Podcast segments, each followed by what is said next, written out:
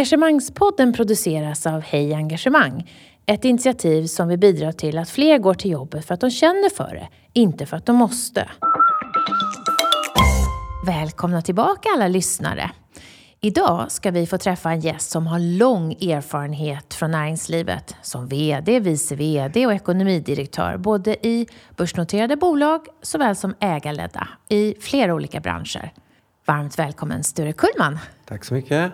Du har ju varit eh, VD och ekonomidirektör och nu är du ordförande i en stor del av din karriär.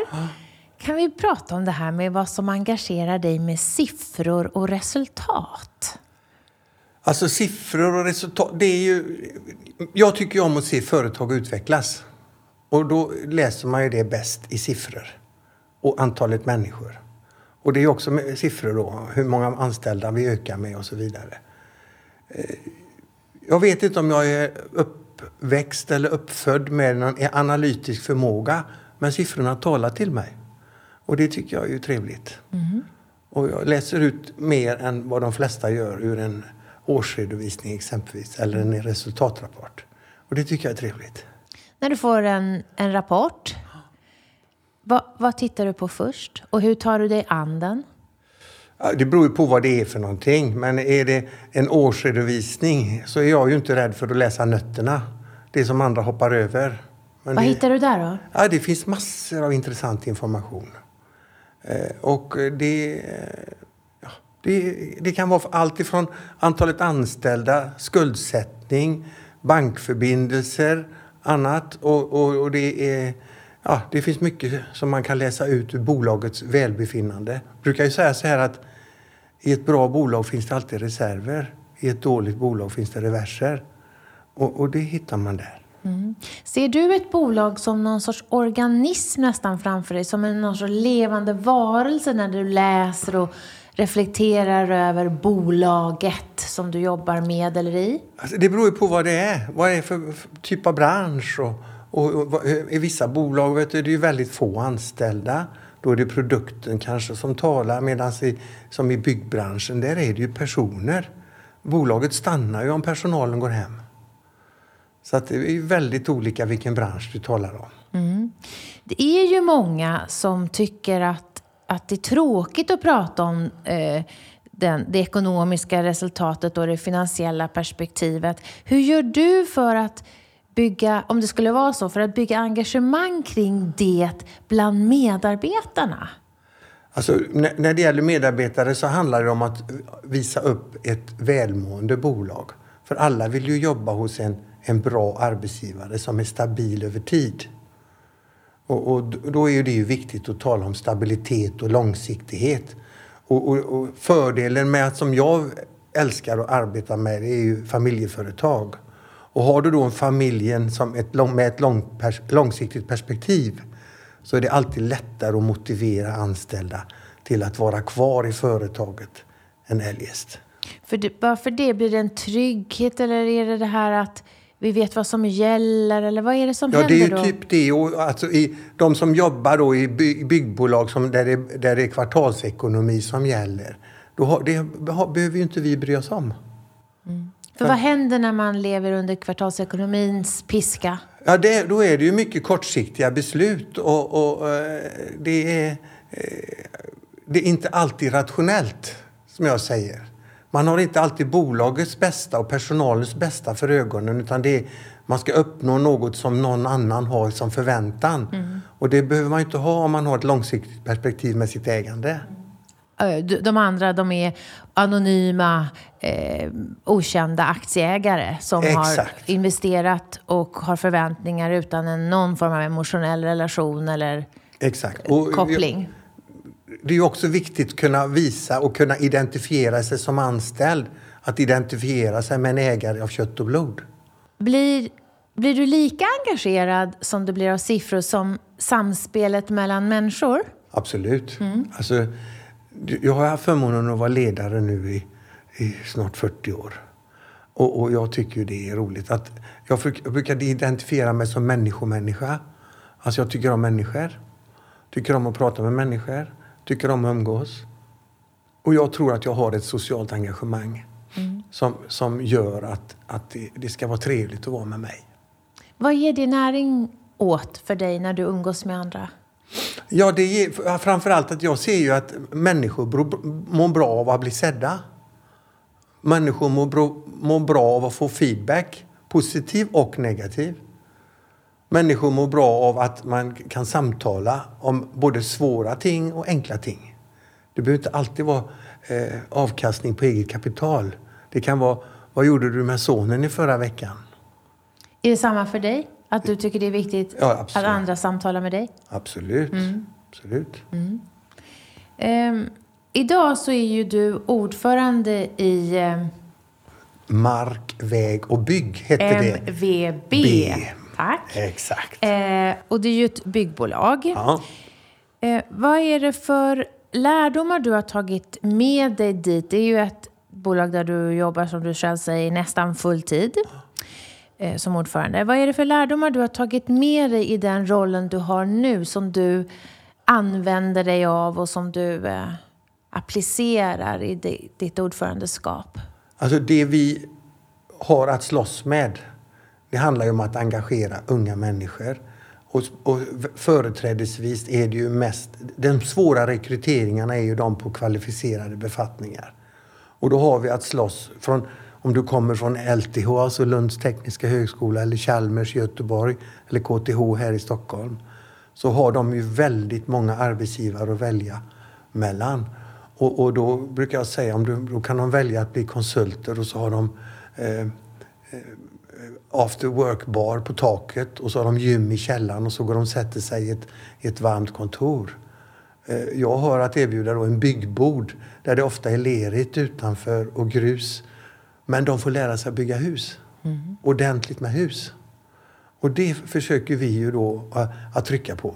Det andra är att vi vill ju då vara den här stabila arbetsgivaren som tar vara på dem. Vi har alltså traineeprogram, vi har mentorskapsprogram. Vi sponsrar eh, Isabellstipendiet för att trycka, trycka på just detta att kvinnor också kan passa i byggbranschen. Det behöver inte bara vara män. Mm. Vem var Isabelle? Eh, Isabelle var en tjej som, du kan du få läsa om här i årsredovisningen. Men hon var en tjej som, som drog igång detta och som, som eh, tyckte att eh, nu, vi måste sätta lite fokus på att det är trots allt rätt så kul att jobba i byggbranschen. Vi brukar ju säga det att det blir fantastiska resultat i luften men inte så mycket i resultaträkningen. Av det skälet att marginalerna är ganska små i byggbranschen. Men det är ju roligt. En, en ung civilingenjör vill ju gärna komma till ett företag som har tuffa projekt och bygger tuffa hus. Och det försöker vi ju hålla oss i framkant av. Men det, tillbaks till det här, den lärdomen du tar med dig kring att och den, den, det uppsåtet du har när det, som handlar just om att vi har bara en byggbod och vi har bara utmaningen som är själva vår uppgift. Kan du prata mer om hur kommunikationen kring det här ser ut för att alla ska förstå hur fantastiskt det ni håller på med är. Det kanske bara ser ut som en platta cement när man kommer dit. Ja, det är, men det är det ju oftast. Men, men, men då är det ju det att, att man gör det i, i team ett, ett, och att du... Alltså byggbranschen som har ju den, den funktionen att det är en väldigt platt organisation så kommer du ut som en ung entreprenadingenjör eller en ung platschef för den sakens skull så får du ansvar kanske för ett bygge på 200-300 miljoner. Och det är inte så många unga flickor och pojkar som kommer ut och blir ansvariga omedelbums för ett företag som ska omsätta 200-300 miljoner. För varje byggarbetsplats är ju en unik enhet. Och det är ju som att driva ett litet företag. Och så oerhörd ju... fördel att veta se, se, kunna se fysiskt framför sig vad är det vi ska göra. vi ska bygga den här skrapan eller ja. den här eh, idrottsanläggningen eller, ja. eller liknande. Och vad måste till för organisatoriska förutsättningar för de här unga ledarna ska kunna klara det här uppdraget? Ja, för det första så måste vi ha, de som redan är med oss måste ju tala väl om firman. Och måste ju vara, för de är ju en viktig rekryteringsbas. Och du vet, alltså slaget om, om de unga ingenjörerna, den har ju bara börjat. För de har ju så mycket att välja på. Om man läser en ordentlig utbildning på, på KTH exempelvis så har du väldigt mycket att välja på. En civilingenjörsutbildning. Ja, ja. och då är, klart, då är klart att då måste du ju sticka ut. Och då talar vi om, om, om våra psykologiska kontrakt. Vad innebär det att jobba i MVB? Vi har skapat en byline till MVB som heter Älska staden. Alltså, jag vill tala med mjuka, om mjuka faktorer. Att, att försöker att vara en modern arbetsgivare. Där, som, där, där vi ska försöka attrahera de här unga människorna. Som, att de ska komma till oss. Mm. Och att vi, fyll, att vi verkligen fyller varumärket med det som är human relation. Om jag går ut där på ett, ett av de här större byggena. Mm. Känns det annorlunda för medarbetarna jämfört med om de går ut på ett Skanska-bygge? Det kan jag ju inte svara på. Alltså jag, jag tror att de blir mer sedda hos oss i vart fall. Det är viktigt. Jag måste berätta, en, en, en, apropå det här med engagemang och det här med, med vikten av, av eh, människor. Vi tog in en ny ledamot här nu i styrelsen. Och, och, och då blir jag lite glad när jag får följande kommentar. Då säger vederbörande så här, Sture, jag jobbar i ett företag, ett bemanningsföretag med 8500 anställda. Här i MVB har vi bara 700 anställda. Men vi talar mycket mer om personalfrågor på detta styrelsearbetet än vad vi gör i det jobbet jag har på var, i vardags. Och det, då blir jag varm. Då blir jag varm i själen. Du har sagt det nu, det handlar bara om människor. Ni säger att det är ett byggföretag, men du säger att det handlar bara om människor, att få rätt människor. Ja, det är, ju, det är ju det. För att det är ju så, vi har ju fastigheter också i koncernen, gubevars. Och, och fastigheterna står ju där även när vi går hem och tickar hyror. Medan ett byggföretag, det slutar ju fungera när våra, våra medarbetare går hem. Och när, det här är ju vi nyfikna på. Det är därför som vi också har dig här idag. Eh, vi vet att du brinner för de här frågorna. Vi vet att ni är kända för att göra någonting annorlunda. Och ni, har ju en, ni är familjeägda så att ni är långsiktiga och uthålliga. Ja. Hur, vi vill ju titta in på det här styrelsemötet. Hur låter det när ni adresserar eh, personalfrågorna, frågorna om det mänskliga kapitalet? Vad, vad är det för punkter som finns på agendan då? vad pratar ni om? Ja, det är ju allt ifrån eh, förmånspaket, alltså vad, vad, man, vad vi ska kunna bevilja. Vi har ju tre olika bolag och du vet att du, vet att, du kan inte tro att det är samma företag när du kommer in hos oss. För att i Stockholm har vi nästan inga kollektivanställda. Utan där är det väldigt mycket, jag bygger mycket på underleverantörer. Medan i Skåne där har vi väldigt mycket kollektivanställda. Snickare, betongarbetare och, och så vidare. Så det är ju väldigt olika vilket bolag vi talar om och då har vi tre stycken bolag i koncernen. Så det blir olika frågor och vi, varje VD rapporterar av sitt bolag. Men då talar vi om förmånspaket. Vi har ju nu lanserat det här mentorskapsprogrammet som vi kallar för Peritia. För det hette bolaget en gång i tiden när det startades. Och vi har ju det här traineeprogrammet som vi lanserar nu. Det som togs fram nu senast utav vår kommunikatör, det var ju ett eh, kommunikationspaket hur vi ska uppträda på, på, på lava och varm, väg och, väg och vattens arbetsmarknadsdagar. Så att vi ser likadana ut i LTH, på Chalmers och på KTH. Och, och nu hade vi, du vet, det handlar ju om att tävla och sticka ut. Och nu hade vi exempelvis en mjukglassmaskin på, på, på, på Lunds tekniska högskola. Och det var ju succé, för alla kom ju till oss. Mjuk glass i ett mjukt bolag. Ja, det var, det var, det, och det, du vet, det är sådana saker. Det handlar ju om att ta de här små knepen för att visa att vi finns. Eh, vad, vad, vad är de viktigaste nyckeltalen för dig eh, som, som du tittar på för, för MVB när du är styrelseordförande? Ekonomiska nyckeltalen, det är ju, det är ju, eh, det är ju... Vi har ett nettoresultat. Och nettoresultatet i branschen ligger runt 3% och vi vill helst vara lite bättre. Så Sen är- allt man gör, på varje hundralapp blir det bara tre Kronor över. kronor över. Ja. Och så ser branschen ut. Eh, Så det tittar du på? Det tittar jag på. Och då ligger ni lite över? ligger vi lite över, men inte mycket. Men vi ligger ändå... I, Så ni har hittat något sätt att lösa det här på som är lite mer smart? Så Ja, det är fram- lite mer pengar över? Framförallt att vi, vi är ju i den, i den storleksklass. Vi omsätter nu 3 miljarder 2019. Och, och när man kommer upp i Skanska och NCC då har man råd med lite staber och, och allt sånt där som eh, ynnest som vi inte eljest har råd med. Då får vi samverka mellan bolagen och då har vi en HR-grupp som jobbar med HR-frågor. Vi har en kalkylgrupp, vi har en inköpsgrupp och en IT-grupp och så vidare. Och så, istället för att bygga staber så försöker vi göra det med egen personal för, av de som då är engagerade. Mm. Om andra nyckeltal är ju att det som är viktigt för oss, vi har ju en hållbarhetsredovisning, du ska få den här utav mig sedan. Ja. Och vi är så pass stora så att vi, hållbarhetsredovisningen är ju väldigt mycket eh, mjuk, mjuka parametrar. Och bland annat så mäter vi ju omsättning, eh, alltså personalomsättning. För det är ju så att vi är, befinner, nu är ju vi på väg mot en lågkonjunktur tror jag. Men, men vi är ju varit i en högkonjunktur och då är det ju så att väldigt många lockar och pockar på våra medarbetare och erbjuder massa bättre villkor och, och allt det här som vi inte kan eh, matcha, matcha riktigt. Mm. Och personalomsättningen, hur, vad ligger den på idag? Ja, det kommer jag inte ihåg exakt, men mm. det kan du läsa här mm. i. Och är det lägre vi... än branschen Ja, det är det ju. Och sen så försöker vi ju det här med, med, med kvinnliga medarbetare. Alltså vi försöker ju locka unga civilingenjörstjejer. De vill ju gärna gå in till konsultbolagen. Mm. Sweco, Ångpannan och VSP och så vidare. Men, men vi tycker att det är kul att bygga hus. Och vi vill ju få dem att förstå att det är kul att lära sig att bygga ett hus. Mm. Och varför är kvinnliga medarbetare attraktiva för er? Ja, men det är bra med en mångfald. Mm. Varför är det bra? Ja, det, det blir en annan dialog på jobbet.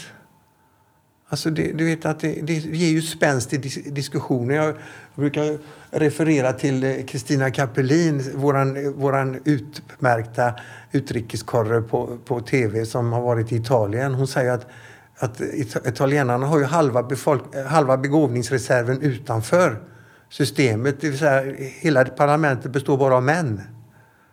Och då, då är ju det är ju bara halva begåvningsreserven. Mm. Och då menar jag, det, så får det inte bli. Så får det inte bli. Och hur har du jobbat för att skapa engagemang för den frågan? Att, och jämställdhet handlar inte bara om kön, det kan ju vara ålder och etnicitet Absolut. och annan mångfald också. Hur har ni jobbat med det? Ja, men vi, alltså, vi, vi, försöker, vi, kan inte, vi utesluter ingen i rekryteringsprocessen. Och att vi är noga med att tala om att alla är välkomna. Sen är det inte alla som platsar. Men vi måste ju öppna dörrarna för att få dem intresserade av vårt företag. Mm. Så då är det netto, nettoresultatet och så personalomsättning, andelen kvinnor om det ökar då ja. förhoppningsvis. Är det några andra nyckeltal som engagerar dig ja, mer än andra? Sen är det ju ekonomiska nyckeltal, men det är kanske bara jag ja, som tittar vilka? på mm. avkastning på sysselsatt kapital, mm. likviditeten. Alltså det handlar ju väldigt mycket om att skapa likviditet i en byggrörelse och den är viktig. För att inte hamna i skuld? Ja. Mm. Eller i cashflow-kris? Exakt. Mm. Om vi tittar på nyckeltal för att mäta personalens välmående. Vad, vad tittar du på där? Ja, då gör vi ju NMI, NMI-undersökningar. Mm. Och då vill vi ju att, att index ska stiga för varje år. Så det är ju, det är ju en, en mångf, mångfald av frågor som man då går igenom. NMI för er som inte känner till det, nöjd medarbetarindex. Just det är väl väldigt vanligt. Ja. Mm. Hur ser det ut? Jo, det ser ju bra ut. Alltså, mm. Man trivs och jobbar med oss. Och, och, och sen är det ju återigen, det är lite olika beroende på vilket, vilken landsända du befinner dig i. Vi har väldigt låg personalomsättning i Skåne. Vi har lite, lite sämre i Göteborg och vi har sämst i Stockholm. För här är det, det är stort utbud här. Mm. Många som drar i de ja. duktiga. Mm. Vi pratar ju om avkastning på eget kapital också, i, när vi pratar nyckeltal. Som visar hur liksom det egna kapitalet har förräntats över året. Men om vi skulle säga ett Finns det något sorts nyckeltal som visar hur personalen har växt eller uppgraderat sina färdigheter över året? Så nej, det är ju i så fall NMI. personalpool har blivit mer värd, Aha, så att säga. Nej, nej, det har vi inte något sådant. Men däremot så, så är det ju NMI-index då som vi tittar mycket på. Mm. Du förstår frågan? Ja, jag förstår att, frågan. Att de heter civilingenjör LTH här, fyra stycken, men för oss är de värda mer för de har de här, de här förmågorna och de har vi lyckats växa över året. Jag tycker det skulle vara intressant nyckeltal. Ja, det, det är det ju. Men, men då, det brukar ju då i regel eh, eh visa sig i ett, vilka projekt de får ta hand om. För då börjar man i regel med ett mindre projekt och då känner ju den respektive anställde, oj, nu fick jag 250 miljoners projekt här att ta ansvar för. Då visar de att de tror på mig. Det är ju inte så. Det är ju det, det, det de kan mäta ut i så fall. Naturligtvis är det ju också så att eh, i medarbetarsamtalen så är man ju noga med att tala om och ge feedback. Vad, vad är bra och vad är dåligt med din performance? Mm. Jag tänker också att vi idag satsar mycket på lärande. Vi satsar också de som redan är jätteduktiga satsar vi mycket på för att de ska bli ännu bättre. Ja. Att det är ju intressant också att utvärdera om de insatser vi gör och vårt arbetssätt leder till ökat lärande och så att säga en ännu mer kvalificerad medarbetarskara. Ja, men, men då är det ju det att vi, beroende på vilka projekt vi kan gå på. Alltså ju, ju duktigare medarbetare och ju medarbetarkader, desto mer komplicerade projekt kan vi ju gå på och försöka ta. Mm. Det är ju en väldigt konkurrensutsatt marknad. Det är många aktörer och det, det handlar om att tävla hela tiden, hela tiden. Så att om ni känner att vi kan sätta vem som helst av våra chefer på det här, då, då, då är ni ju väldigt välmående. Då är vi väldigt välmående. Mm. Va, vad skulle du säga är det som driver dig långsiktigt i det jobb du har, de uppdrag du tar? Det är ju att få vara med och utveckla företag. Jag började med MVB för oj, 2003. Och då omsatte vi 100 miljoner. Och nu är vi på 3 miljarder. Och, och det, det, tycker jag är en, en rolig resa. Mm. Sen kan ju andra tycka att det är alldeles för långsamt. Men vi har försökt att växa med ordning och reda och med en bibehållen lönsamhet. Och sånt triggar ju mig. Mm. Det tycker jag är jättetrevligt. Vad är det som triggar dig? Ja, men det är just detta att, att se folk utvecklas och företag utvecklas. Och, och, och det här digitaliseringen får vi inte glömma bort att tala om heller. Den är oerhört viktig i att bygga det här varumärket. För, för unga människor, de, de använder ju den, de digitala plattformarna betydligt mer än vad jag gör. Mm. Som snart är 70. Och det är klart att det är ju en grej som vi måste bli väldigt bra på. Och då tycker jag att vi har hittat bra medarbetare som hjälper till med det. Vi har en väldigt duktig kommunikatör som, som hela tiden kommunicerar ut mot marknaden och ut mot högskolorna och universiteten. Vad vi är och vad vi gör och vad vi står för. Och då, då så att går du igång på det lärandet som också händer hos dig när du får vara med om till exempel höja din egen kompetens och insikt kring digitalisering. Exakt. Ja, för du känns ju som en väldigt nyfiken person. Och en som inte har så jättemycket fördomar kring hur saker ska göras eller Byggbranschen uppfattar jag annars som ganska konservativ. Och det är ju tur på ett sätt att de har dig då som inte är som alla andra. Nej, men, det, och, så är det ju. har du alltid varit sån? Att du är nyfiken och vänder på nästa blad, undrar och går vidare? Det är väl medfött. Du tror har, det? Vi har en devis. Mm. När ordet är sagt ska benen vara igång. Jaha, är det din devis? Ja, det är, det är min svärmors mormor. Men jag snodde den för jag tyckte den var så bra. Hon hade tio barn nämligen. Och då går det inte att gå omkring och såsa. Utan det är bra att tänka så. Säg den en gång till. När ordet är sagt ska benen vara igång. Mm. Så du får mycket gjort? Jag får mycket gjort. Mm. Och du gläds över att få mycket gjort? Ja. När, när bromsar du och reflekterar? I vilka situationer? Oj, hela tiden. Du vet, man, man, blir på, man, man umgås med så mycket unga människor så blir man ju kraftigt ifrågasatt. Och när man dessutom är lite outspoken som jag är så då, då, då är, får man ju mycket eh, frågor. Och de ifrågasätter varför gör vi så, varför gör vi inte så istället? Och så vidare och så vidare. Och då handlar det om att sätta sig ner och reflektera. Du, nu kom han eller hon med en jävligt bra inspel här. Det här måste vi fundera över. Och, och, och, och det, då stannar jag upp och tittar efter. Kan vi göra på ett annat sätt? Mm. Och det finns ett nytt sätt hela tiden verkar det som för dig. Hela tiden. Mm. Den, I den här podden älskar vi uttrycket medarbetarengagemang. ja, Är det ett begrepp du brukar använda? ja Mm. absolut. Vad betyder det för dig? Ja, för mig är det ju en, en människa som tycker om att gå till jobbet och som vill vara med och driva ett projekt.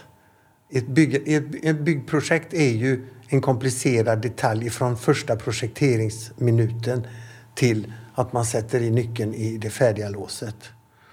Och, och då, då är det ju viktigt att ha medarbetare som tycker det är kul och få vara med och se när det växer fram. Använder ni det uttrycket också på MEB? Använder ni det i styrelsen? Det gör vi Ja. hela tiden. Ja. Och på vilket sätt kommer frågan upp? Alltså i, i vilken sorts kontext pratar ni om det? Ja, alltså det, det, återigen, det blir ju i rekryteringssammanhang. För då ser man ju, man vill ju ha en engagerad medarbetare. En som bara kommer till jobbet för att göra det allra nödvändigaste och som, och som tycker att livet är så där kul. Ja, den talar man inte så mycket med och den får ju heller inte de utmaningarna som, som andra som vill vara med och uträtta någonting. Hur tar ni reda på om en person har engagemang? Är det, sitter det bara i blicken? Det, eller? ja, det syns ju i blicken. Ja. Om benen är igång? Eller hur? ja. Så är det. ja. Eh, vad, vad ser du skapar ett högt medarbetarengagemang förutom möjligheten att få ta ansvar? Ja, det är ju att vi ställer upp tillbaka på den med- medarbetaren. Att vi erbjuder bra villkor, att vi kan erbjuda alla de här fringisarna som alla andra kan och så vidare. Att, vi har en, att vederbörande har en god löneutveckling. Men framför allt också att vi hittar och får bra projekt. För de vill ju vara med och bygga tuffa hus. De här som är engagerade byggare. De vill ju vara med och bygga tuffa projekt. Så ni kan göra mer och mer motstånd och utvecklas Ja, i? Mm. ja visst. Och, och, och, alltså, det, det, det blir ju en viss stolthet i det att vet, vi fick ju förra året fick vi Årets bygge. Då vann, då vann vi alltså hela tävlingen över Sverige. Med vilket projekt? Rättspsykiatriskt centrum i Trelleborg. Ett jättetufft hus och det är ett passivhus. För den som inte vet så är det ett energisnålt hus då. Och så vidare. Där vann vi. Sen vann vi årets ROT-projekt och det var ju alltså Eastman-institutet här uppe, längre upp på Dalagatan. Det var årets ROT-projekt och vann vi det också. Det byggde vi om för över 100 miljoner. Och så vidare och så vidare. Allt det där betyder ju någonting för då känner ju medarbetarna oj, vi är med i en framgångsfas här. Vi är med i ett framgångsrikt företag som gör bra grejer. Så ni ser till, om man rent, jag som ser i bilder, att liksom marken förflyttas under de här medarbetarna till mer och mer spännande. Exakt. Eh, Ja, så att man följ, får följa med på det om man är hos er. och Just det, det. finns en trygghet och förvissning om att jag jobbar på toppen av min kapacitet och jag blir till och med sporrad att ta ytterligare steg hela tiden. Att Precis. få vara i utveckling helt enkelt. Det är ju så. Ja. Ehm, själva ledarskapet som främjar engagemang, vad är dina reflektioner kring det? Hur är en, hur är en bra ledare i dina ögon? Ja, det, finns också ett uttryck för. MBWA. Management by walking around. Alltså det, är viktigt. För mig är det viktigt när jag kommer till ett kontor att jag går runt och hälsar. Man träffar och man kan titta på dem och man frågar hur det var och hur det är och så vidare. Och, och jag vill ju, den st- ledarstilen vill jag ju att andra ska ta efter hos mig. Så att när man kommer till ett, till ett systerföretag, exempelvis i Skåne, om skåningarna kommer till Stockholm eller, eller skåningarna kommer till Göteborg så ska de gå runt och hälsa. För, att man, för vi jobbar ju ändå i samma firma även om det är tre olika bolag. För vad visar det på? Ja, men det visar ju på att, att du bryr dig om andra människor. Och att vi är, vi är ett team, att vi är ett lag och att, att vi, vi gör någonting gemensamt. Och så lär man sig alltid något. Man lär sig ju väldigt mycket av att umgås med andra människor. Och det tycker jag är roligt. Visar det också på något sätt att det inte är så auktoritärt här hos oss? Eller?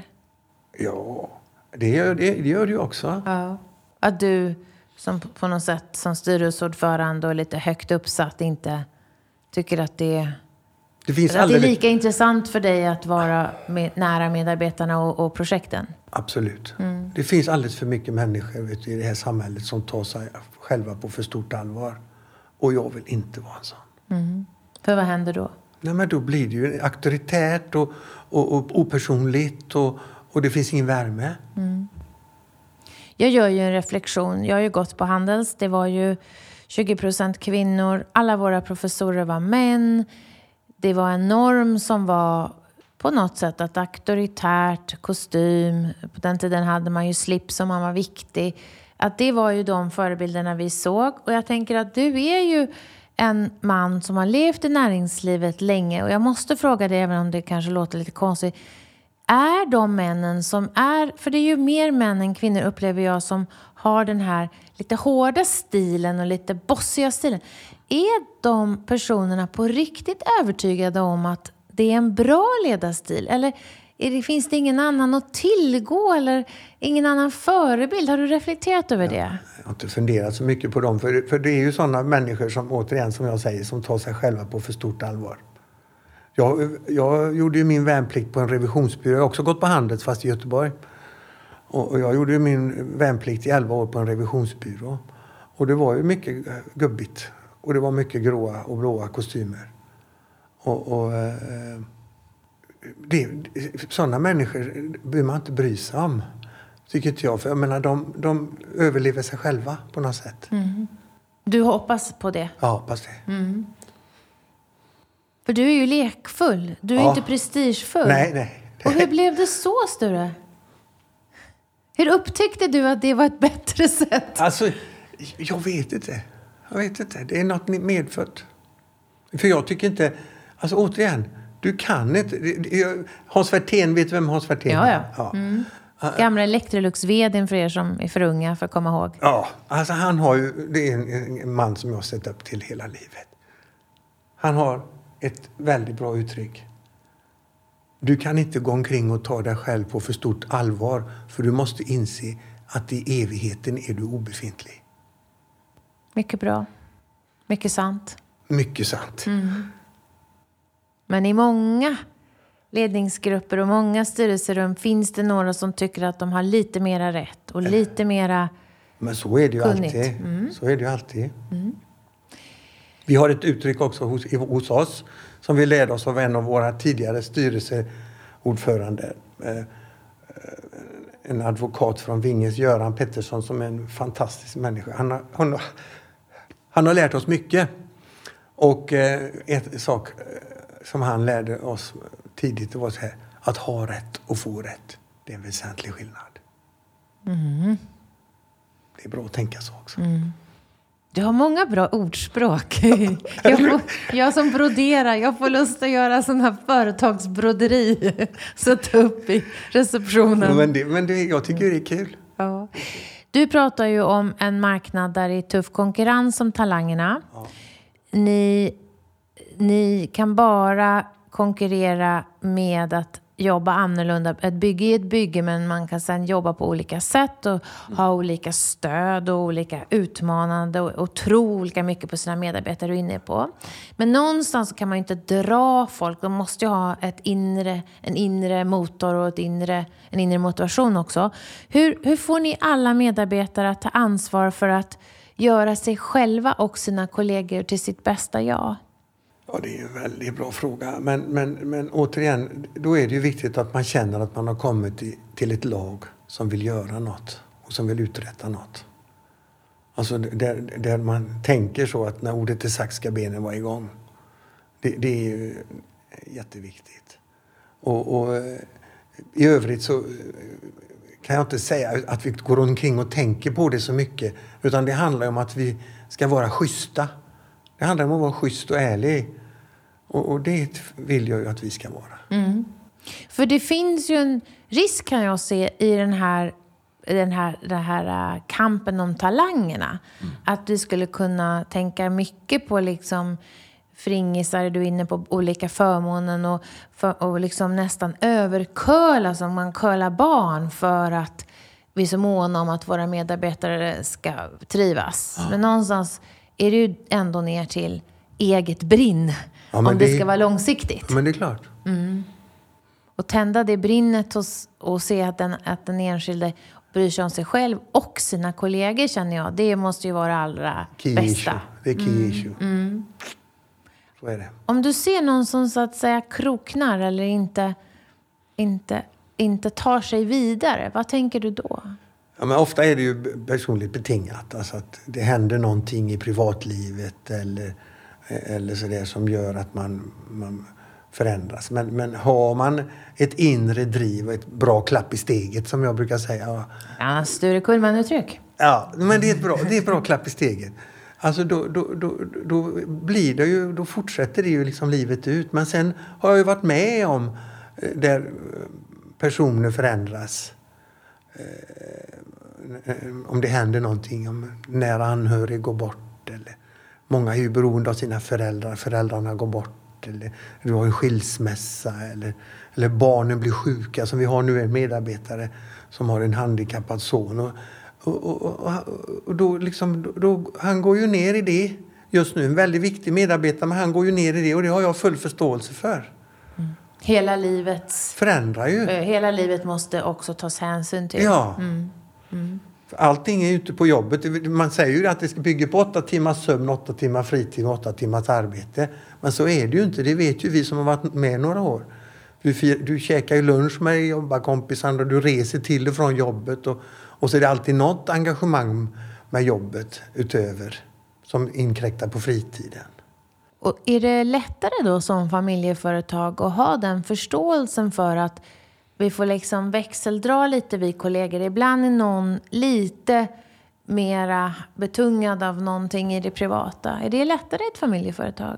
Det, jag tror ju det. Alltså, för- återigen, vi har inte den här kvartalshetsen. Utan vi har ett långsiktigare perspektiv. Och så vill vi, vi vill ju vara människomänniskor. Det, det, är viktigt. Speciellt i, när vi är så beroende av människor som man är i exempelvis i ett byggföretag. Tänker att ni nästan är lite som en familj så som du pratar om dina kollegor? Eller medarbetare? Ja, det, det skulle jag Att det tro. finns i alla fall som en släkt nästan ni. Ja, alltså vi trycker ju mycket på det i våra skrifter och så vidare. Att vi är en familj. Hur ser du på betydelsen av tillit? För det är någonting som forskningen visar att tillit till uppgiften och till ledarskapet och till visionen är viktigt för att kunna känna engagemang. Har du reflekterat över det? Nej, det har jag kanske inte gjort. Men, men återigen, tilliten till, till att företaget står upp för det de har lovat. Det vill jag ju att vi ska vara, ett- vara ett sådant företag. Har vi sagt någonting så står vi för det. Och ett handslag är lika mycket värt som ett skrivet papper. Men, men att, övrigt har jag inte funderat på det så mycket. Eh, Om du tittar tillbaka på dina år i näringslivet, du kan ju jämföra med hur det var när du var ung där på revi- revisionsbyrån och du kan se hur vi fick sen 80-talet och liksom managementkulturen som var då och så kom rivpyramiderna och så är vi inne i globalisering och digitalisering. Hur skulle du säga att betydelsen av, eller synen på att det betyder mycket med ett gott ledarskap och och med- medarbetarnas engagemang för resultatet. Hur har den synen förändrats skulle du säga? Alltså jag känner ju, det jag, det jag känner nu det är ju att eh, de unga människorna har inte varit med om en riktig lågkonjunktur. Vi som var med 91, 92 och såg allt elände då. Och jag var ju med redan på 70-talet när vi hade kriser. Oljekrisen. Ja, du vet, det, alltså det, det, det finns liksom inte i de unga medarbetarnas vokabulär riktigt. Jag, jag tror ju att om, om vi får en riktig eh, lågkonjunktur eh, inom en, en ja, re- relativt snar framtid skulle jag tro. Då, då tror jag att, eh, att man värdesätter sin arbetsgivare på ett annat sätt. Alltså det, Man det- förstår mer vad man har då. man förstår vad man har och man vet vad man har men man vet inte vad man får. Och, och det är väl eh, en sak som jag eh, kan irritera mig på ibland. De tycker att vi gör för lite och för lite och för lite. Men, men eh, vi gamla gubbar vi är ju färgade av att det kan faktiskt bli sämre. Det är inte om det sker, utan det är ju när det sker bara. Det är det som är det svåra. Mm. Det är som, återigen, Werthén har ett bra uttryck. Ska du få ett till här utav mig? Alltså, konsten är inte att spå väder. Konsten är att ha ett paraply när det regnar.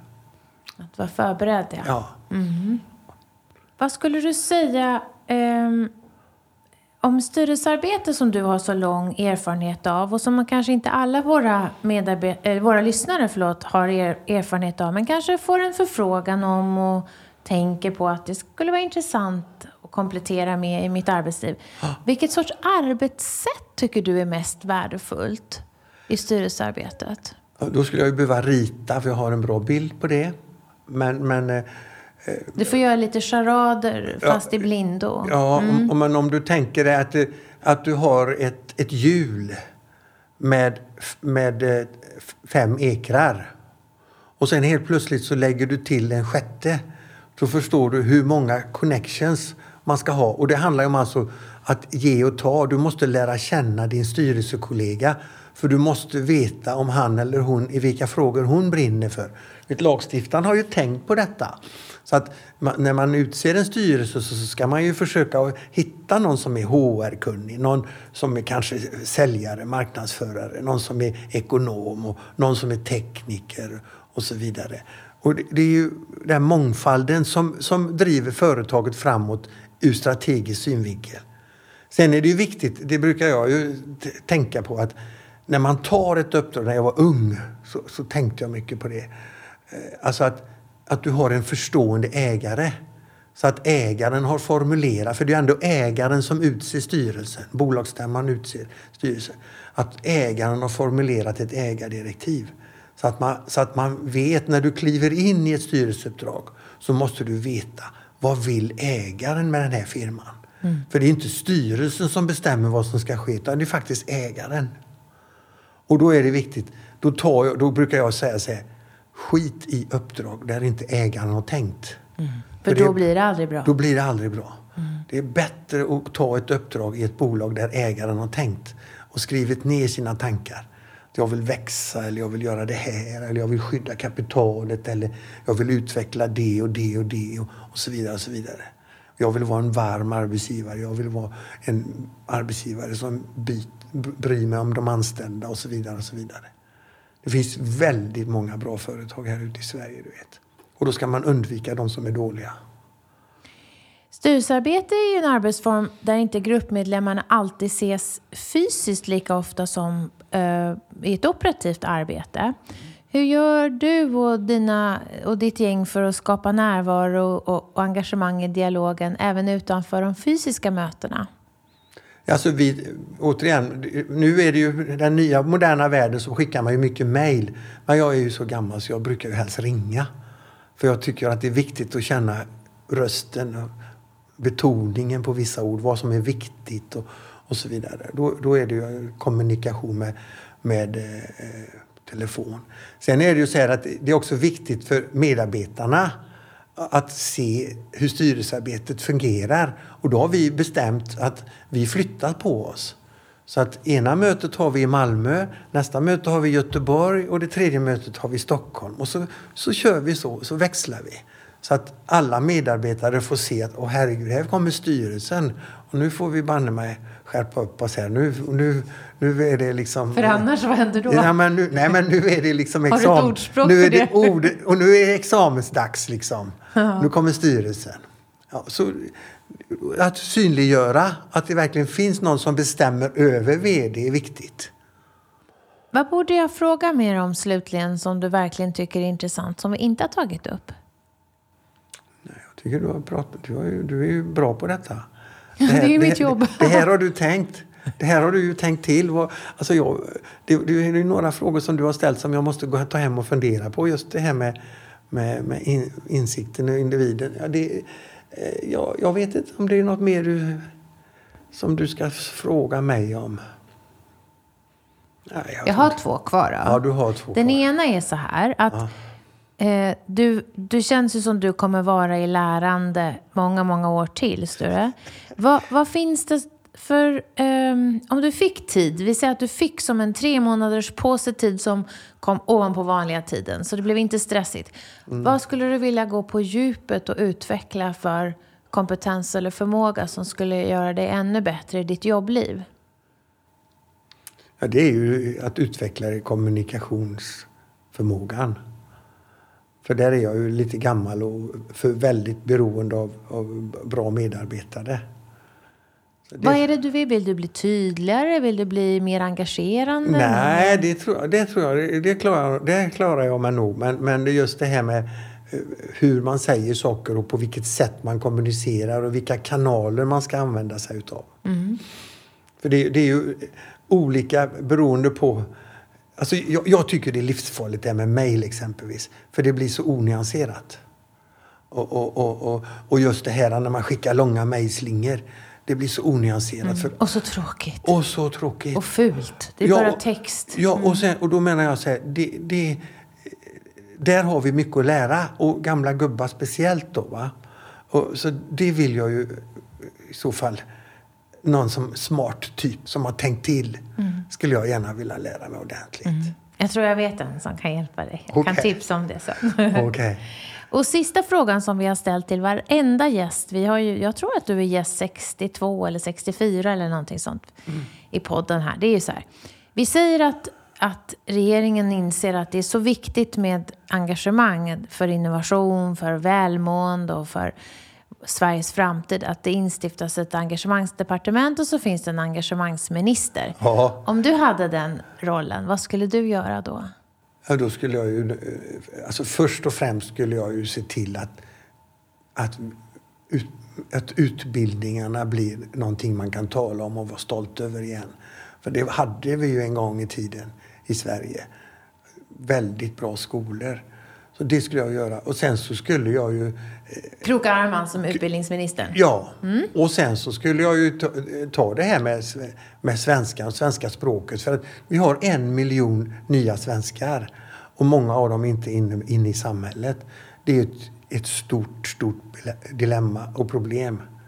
Och de alla kan inte gå idrottsvägen. Om du tittar nu på, på alla lag så är det väldigt mycket invandrarungdomar som går idrottsvägen för att bli etablerade i samhället. Men de som inte har den förmågan och, som, och då hamnar de utanför. Det, det är ju jätteviktigt att få med dem på, på vagnen för att vi ska utveckla det här samhället tillsammans. Mm. För det, det är ju... Annars kommer det gå snett där. Så språk och kommunikation som engagerar och inkluderar alla. Alla. Ja. alla. Mm. Tack Sture Kullman för att du var med i Engagemangspodden. Tack så mycket. Vi hoppas att vi har väckt tankar om hur du kan bidra till ett mer engagerat Sverige. På hejengagemang.se kan du hitta mer inspiration och tips kring hur du som individ, ledare och organisation kan jobba för att skapa ett ökat engagemang, välbefinnande och nya resultat. Tack för att du har lyssnat!